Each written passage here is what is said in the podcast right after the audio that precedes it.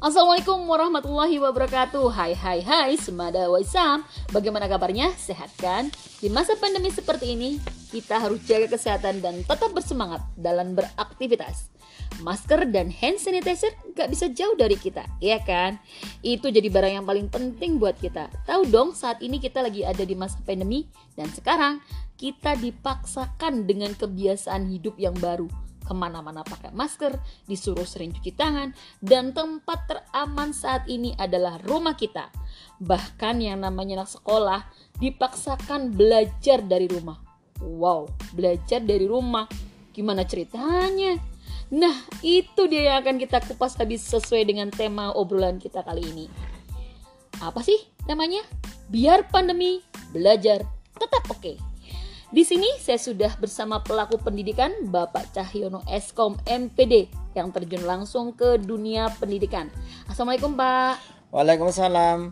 Apa kabarnya nih hari ini? Alhamdulillah baik, semangat luar biasa. Wah, luar biasa juga semoga dengan ibu kita yang satu ini perwakilan dari orang tua siswa.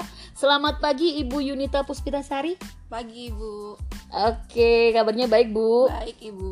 Alhamdulillah. Dan di sini juga ada Ahmad Ihsan Hakim. Apa kabar Ahmad? Alhamdulillah baik sekali. Oke, sehat Ahmad? Alhamdulillah sangat sehat. Baik, terima kasih semua yang sudah hadir. Silahkan nanti bisa tumpahkan curahan hati atau unek-unek yang selama ini tersimpan. Semoga nanti kita akan dapat wawasan yang baru dan pastinya jadi hikmah obrolan kita kali ini. Baik, pertanyaan pertama saya langsung kepada Bapak Cahyono SPD Eskom MPD. Bapak, saat ini Mas Menteri nih Bapak Nadiem Makarim, Menteri Pendidikan kita, menjadi penggagas dalam dunia pendidikan lewat konsep Merdeka Belajar. Bagaimana Bapak memahami konsep tersebut? Ya, terima kasih Mbak atas waktunya. E, merdeka Belajar menurut saya itu adalah unit pendidikan yang merdeka. Mm. Artinya apa? Itu sekolah, guru-guru dan muridnya punya kebebasan untuk berinovasi kebebasan untuk belajar dengan mandiri dan kreatif. Tetapi jangan lupa harus berpaduman pada standar kelulusan minimal tingkat SMA gitu. Merdeka belajar. Berarti kita bebas belajar di mana pun Pak. Dan kita bebas uh, dengan siapa pun belajar. Begitu pak. Betul sekali. Artinya ya bebas belajar di mana pun dengan siapa pun kita belajar tetap harus mengerti rambu-rambunya. Hal yang positif dan berpedoman pada standar yang sudah ada gitu sa. Oh, oke terima kasih pak atas penjelasannya. Oke itu tadi. Nah ini yang jadi korban akhirnya karena ada kebebasan itu dan belajar dari rumah sih orang tua di rumah nih gimana bu pendapatnya setelah ada belajar dari rumah ini? Apa yang jadi perbedaan yang mencolok sekali? Sebetulnya sih bedanya itu kalau biasanya uh, Ihsan itu minta uang untuk buat jajan, sekarang jajannya kuota bu. Wow, hmm. kuota ya? Seperti nggak pernah jajan ya sekarang ya. Iya betul pak. Mas apalagi sekarang HP sudah mahal, kuota iya. dikit kuota itu gimana itu solusinya untuk saya sebagai orang tua? Nah, Gimana nih Pak? Adakah solusinya? Ah, ya, sebetulnya dari kami sendiri kalau kita melihat dari kebijakan pemerintah terkait dengan kebebasan belajar ini dan belajar di mana saja, sebetulnya pemerintah itu sudah mensubsidi, Mbak. Mensubsidi oh, iya. dalam bentuk kuota dan mensubsidi dalam bentuk bantuan yang lain bagi siswa yang tidak mampu itu kan dapat KIP, ya, dapat betul. bantuan dari pemerintah Nah, bantuan tersebut itu bisa digunakan untuk mengadakan misalkan nggak punya HP, untuk beli HP, tidak mm -hmm. punya misalkan alat yang lain terkait dengan teknologi bisa untuk beli itu gitu. Jadi sebetulnya iya. selain dari pemerintah juga sekolah juga memfasilitasi terkait dengan kebutuhan yang lain. Contoh misalkan ternyata untuk akses internet di rumah susah karena mungkin tepatnya untuk uh, jauh dari jaringan internet itu bisa ya. datang di area sekolah menggunakan hotspot sekolah. Gitu. Wah, tuh ternyata nggak jadi kendala ya, ya sebetulnya untuk tidak ada kendala. itu. Nah, tapi gimana tuh? Kok harus datang ke sekolah? Nanti uh, protokoler kesehatannya bagaimana, Pak?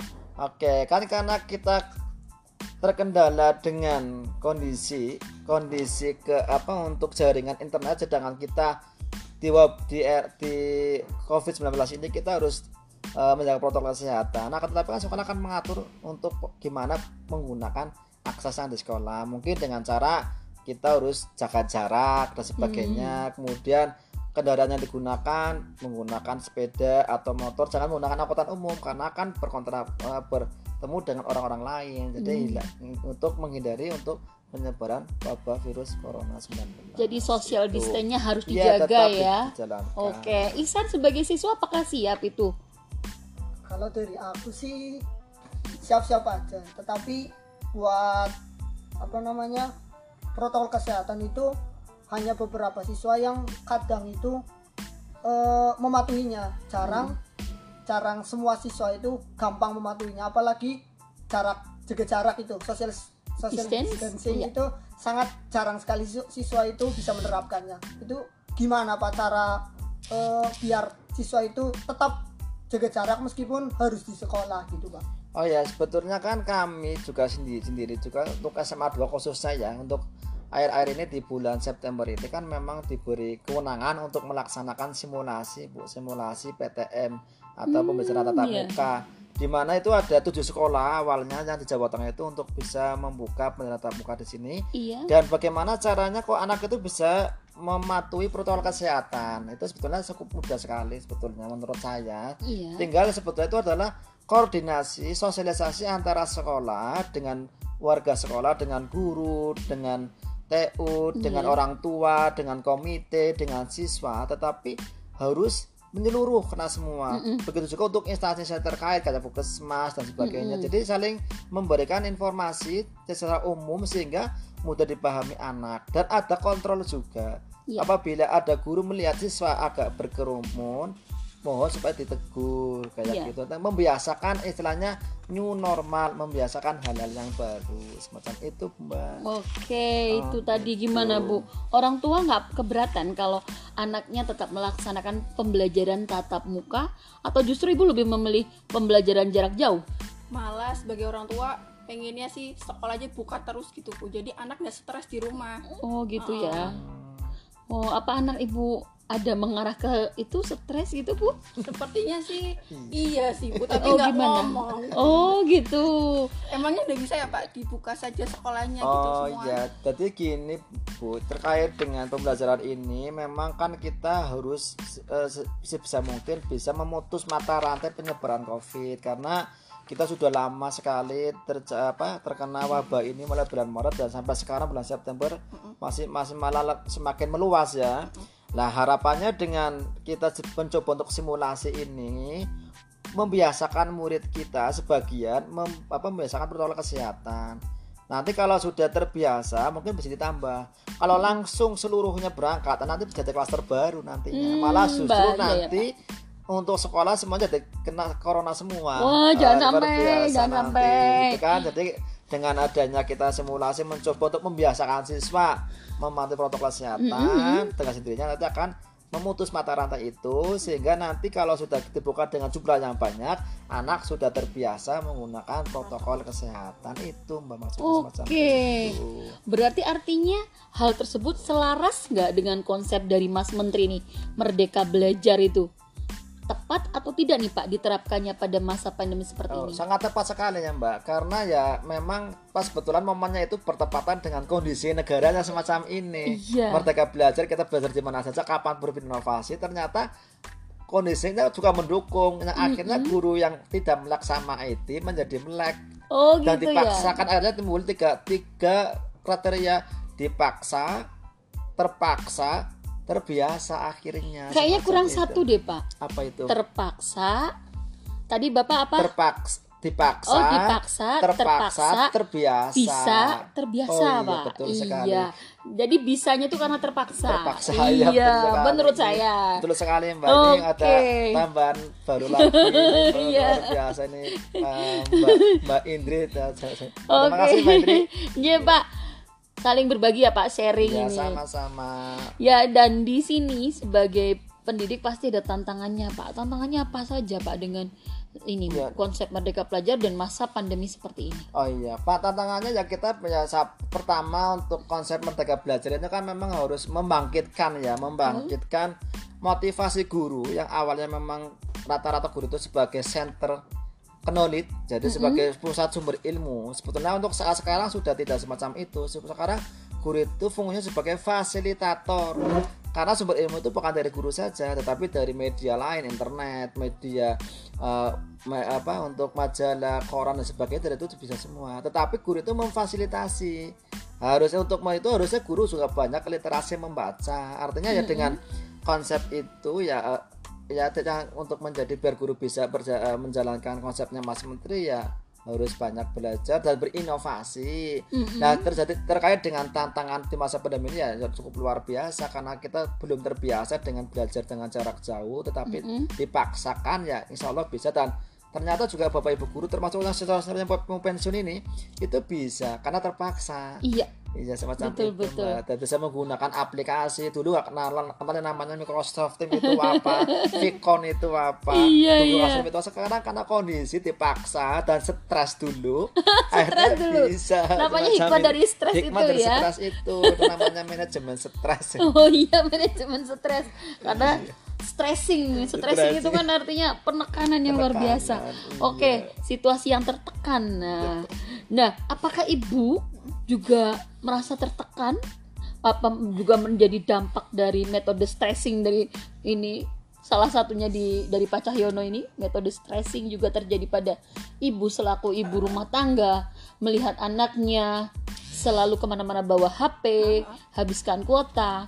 Bagaimana pendapat ibu? Eh, stres sih wajar ya sebagai orang tua ya bu Oh iya, tapi ada yang lebih parah sih kan saya pernah dengar ada orang tua yang sampai membunuh hmm, anaknya ya betul betul. itu itu menurut saya wajar tapi untung saja nih saya sebagai orang tua masih punya stok sabar yang luar biasa Wow, stok sabarnya masih ada. Ya, luar biasanya ibu ini punya. Iya. Bu, nam- ibu namanya siapa ya bu? Bu Yunita Oh, luar biasa Bu Yunita. apalagi nih kalau Isan itu punya PR tugas sekolah yang susah sekali bu saya nggak bisa bantu ya tak suruh aja buka Google aja buka mbak Google yang Wah. penting nyanding kuota kan bu Iya, ibunya aja sekarang sudah tahu namanya Google ya. Padahal zaman dulu nggak ada Google. Hebat sekali. Itulah luar biasanya teknologi ya. Karena metode tadi terpaksa, dipaksa, bisa dan akhirnya terbiasa terbiasa terbiasa. Nah, sekarang San, gimana?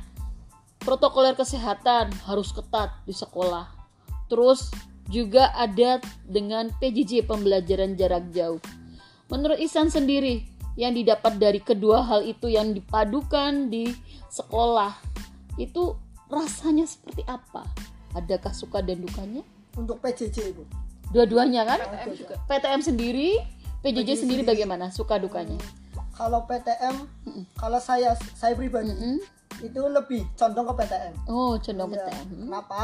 Karena yang pertama ya dari guru dari guru itu sendiri kita mempunyai mapel yang seperti matematika, Yep. fisika, kimia yang harus dijelaskan secara langsung. Walaupun ada MS Teams, walaupun kita sering teleko telekonferensi, tapi kalau di rumah itu biasanya itu nggak paham. Oh ya. Lebih lebih paham kalau kita datang ke sekolah dan dijelaskan di papan tulis. Nah, itu lebih paham. Nah, itu satu. Yang kedua, kita bisa berjumpa dengan teman-teman. Iya. Hmm. Kan kita udah nggak berangkat selama enam bulan kurang Iya lebih ya. betul betul. Dan Iya. saya merasa kangen dengan teman-teman. Oh, ya, iya. Candaannya walaupun agak sedikit menge- mengesalkan di hati. Oh gitu ya. Ada yang mengesalkan tapi ada yang Iya, menyenangkan, kan. Tapi kan Iya. itu kan oh, untuk kebersamaan bersama dan Oh. itu untuk biar senang-senang aja gitu. Oh iya iya. Nah, itu walaupun kita datang ke sekolah dan kita harus patuhi protokol kesehatan, tapi menurut saya itu lebih baik daripada pembelajaran jarak jauh. Kenapa? Kalau pembel- pembelajaran jarak jauh, jarak jauh sendiri itu memiliki sedikit keuntungan dan memiliki banyak kelemahan menurut saya. Apa tuh kelemahannya? Nah, kelemahannya itu guru itu kadang cuma ngasih tugas Oh gitu. gitu ya. Ya, tidak menjelaskan materi secara secara secara detail, secara rinci. Jadi siswa kebanyakan itu bingung. Nah, akhirnya siswa satu dengan siswa lain itu saling tanya menanya, "Wah, ini gimana, ini gimana gitu. Nah, bahkan yang lebih parahnya lagi Iya. itu ketika kita tanya guru, Heeh. itu bahkan nggak dijawab gitu. Hmm. Nah, itu menjadi kekurangan salah satu kekurangan mungkin gurunya lagi sibuk atau mempunyai urusan lain itu sih Iya, ya itu berarti kelemahan-kelemahannya Iya, kelemahan. pembelajaran jarak jauh ya. Sementara kalau PTM sendiri kelemahannya ada nggak? ada Apa itu? kalau PTM itu pe- kelemahannya itu apa ya penyebaran COVID-nya itu lebih lebih resiko Hmm. Ya daripada betul, di lebih rumah. tinggi resikonya ya. Hmm. tapi yang penting kan kalau protokol kesehatan dan berusaha Iya, semaksimal mungkin nah insya Iya. Allah ya yang jauh penting dari itu yang penting kan berdoa berusahanya itu Nah, siap nggak kamu sebagai siswa untuk berdisiplin menjaga protokol kesehatan dengan ketat? siap saya Siap? pribadi siap Oke, good. Bagus sekali ya.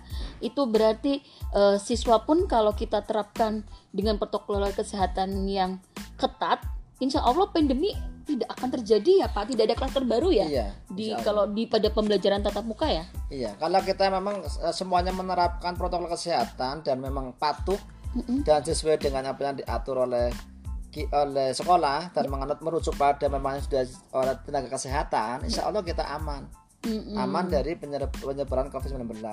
Dan kalau semuanya seluruh Indonesia itu mematuhi semua, insya Allah wabah ini sudah cepat hilang dari dun- apa negara per- tercinta ini, yaitu Amin, Indonesia. amin ya. Semoga aja corona cepat berlalu ya. Nah, eh, baik untuk ibu sendiri bu dengan siswa berangkat, ibu nggak takut nih nanti anakku kena corona atau gimana bu? Eh, selam ya rada was-was sedikit Iya. cuma saya percaya kalau Ihsan ini di, di, di sana di, di kelas bisa disiplin bu bisa menerapkan protokol kesehatan untuk dirinya sendiri dan teman-temannya gitu. Bisa jaga jarak.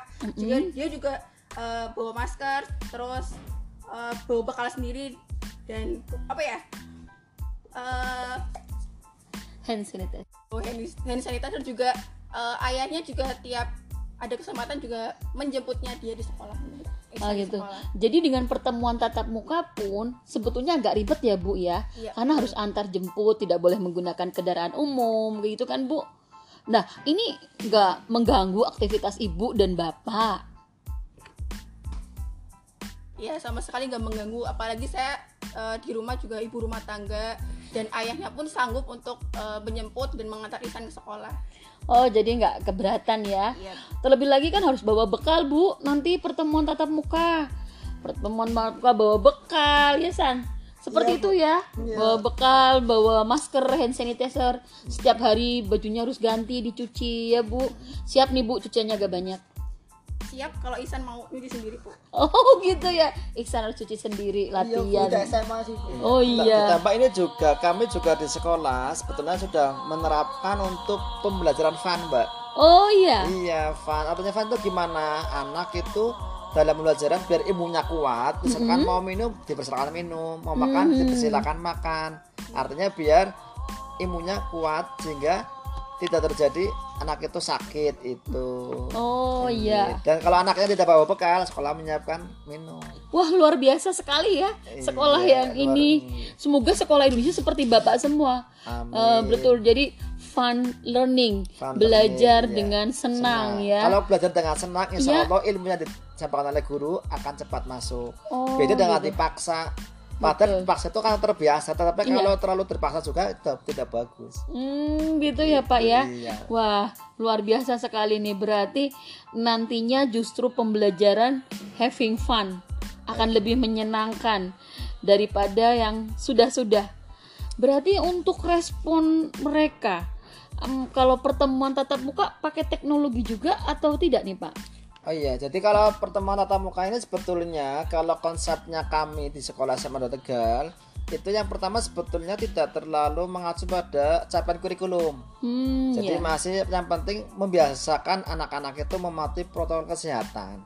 Iya. Ya, sehingga kalau sudah mematuhi tersebut baru capaian kurikulum dimasukkan secara maksimal gitu. Hmm, sebetulnya iya, itu. iya. Jadi sebetulnya titik, titik berat awal ini itu untuk membiasakan hal-hal yang baru sehingga siswa itu tersebut bisa menjaga kesehatannya sendiri sesuai dengan protokol yang ada.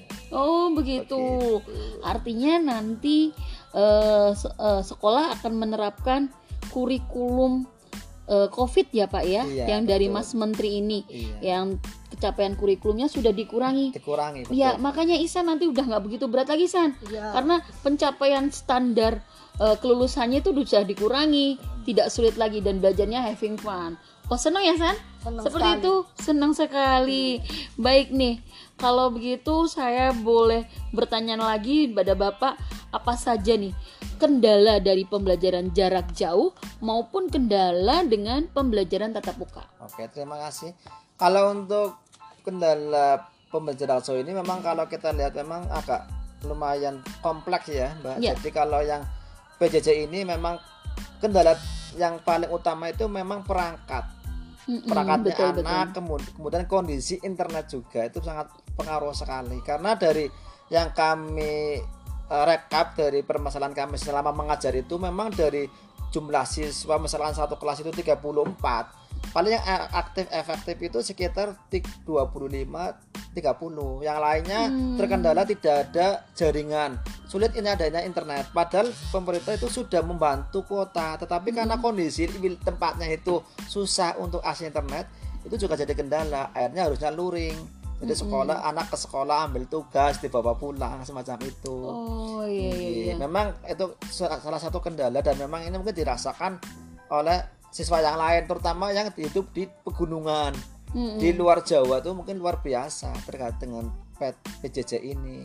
Nah, sedangkan kendala di pelaksanaan pertemuan tatap muka di era new normal ini Iya. memang kendalanya ya anak harus membiasakan untuk mematuhi protokol kesehatan dan harus membutuhkan waktu yang sedikit lama. Jadi harus kalau datang cek suhu dulu, Iya. cuci tangan, datangnya tidak boleh berkerumun, harus jaga jarak.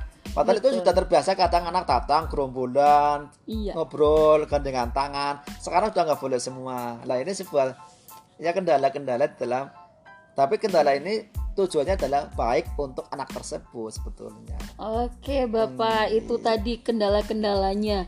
Nah, kalau begitu pastinya juga ada cerita suka dan duka nih, Pak. Oke. Suka dan dukanya apa nih, Pak? Untuk pembelajaran tatap muka atau pembelajaran jarak jauh dari versi Bapak ya sebagai pelaku pendidikan. Iya. Sukanya saya itu kalau yang PJJ itu kami tetap bisa mengasah pengetahuan saya terkait dengan teknologi. Dukanya itu kalau anak tidak mengikuti PJJ karena Nah. kondisi itu sangat saya harusnya merasa istilahnya gimana ya istilah seorang guru itu tidak bisa mendis, mendistribusikan mentransformasi sebuah ilmu ke anak. Jadi Iya. mungkin saya juga eh, masih ada yang harus dikejar itu termasuk kesedihan saya anak tidak bisa menerima secara maksimal materi yang kami sampaikan Baik, baik, Pak. Gitu. Terima kasih. Dan pastinya ada hikmah yang bisa kita dapat dari obrolan kita saat ini yaitu satu bahwa kalau siswanya dan semua unit di kelembagaan pendidikan menjaga protokol kesehatan dengan ketat, insya Allah COVID akan pergi. Dan yang kedua, eh, adanya kerjasama dan keterbukaan kejujuran dari masing-masing baik orang tua, siswa dan juga sekolah tentang informasi kesehatan. Jadi kalau anak sakit nggak perlu berangkat ya Pak, nggak perlu dipaksakan ya Bu ya. Dan yang ketiga adalah eh, eh, bahwa kurikulum yang eh, kurikulum ketercapaian tidak lagi dipaksakan terlalu tinggi tapi sudah diturunkan tingkat kesulitannya. Itu saja obrolan kita pagi ini hari ini dengan eh biar pandemi belajar tetap oke. Terima kasih semuanya atas kehadirannya masing-masing. Sampai ketemu lagi nanti pada obrolan di podcast Waisam Semada berikutnya. Bila taufik wa hidayah. Wassalamualaikum warahmatullahi wabarakatuh. Waalaikumsalam warahmatullahi wabarakatuh パス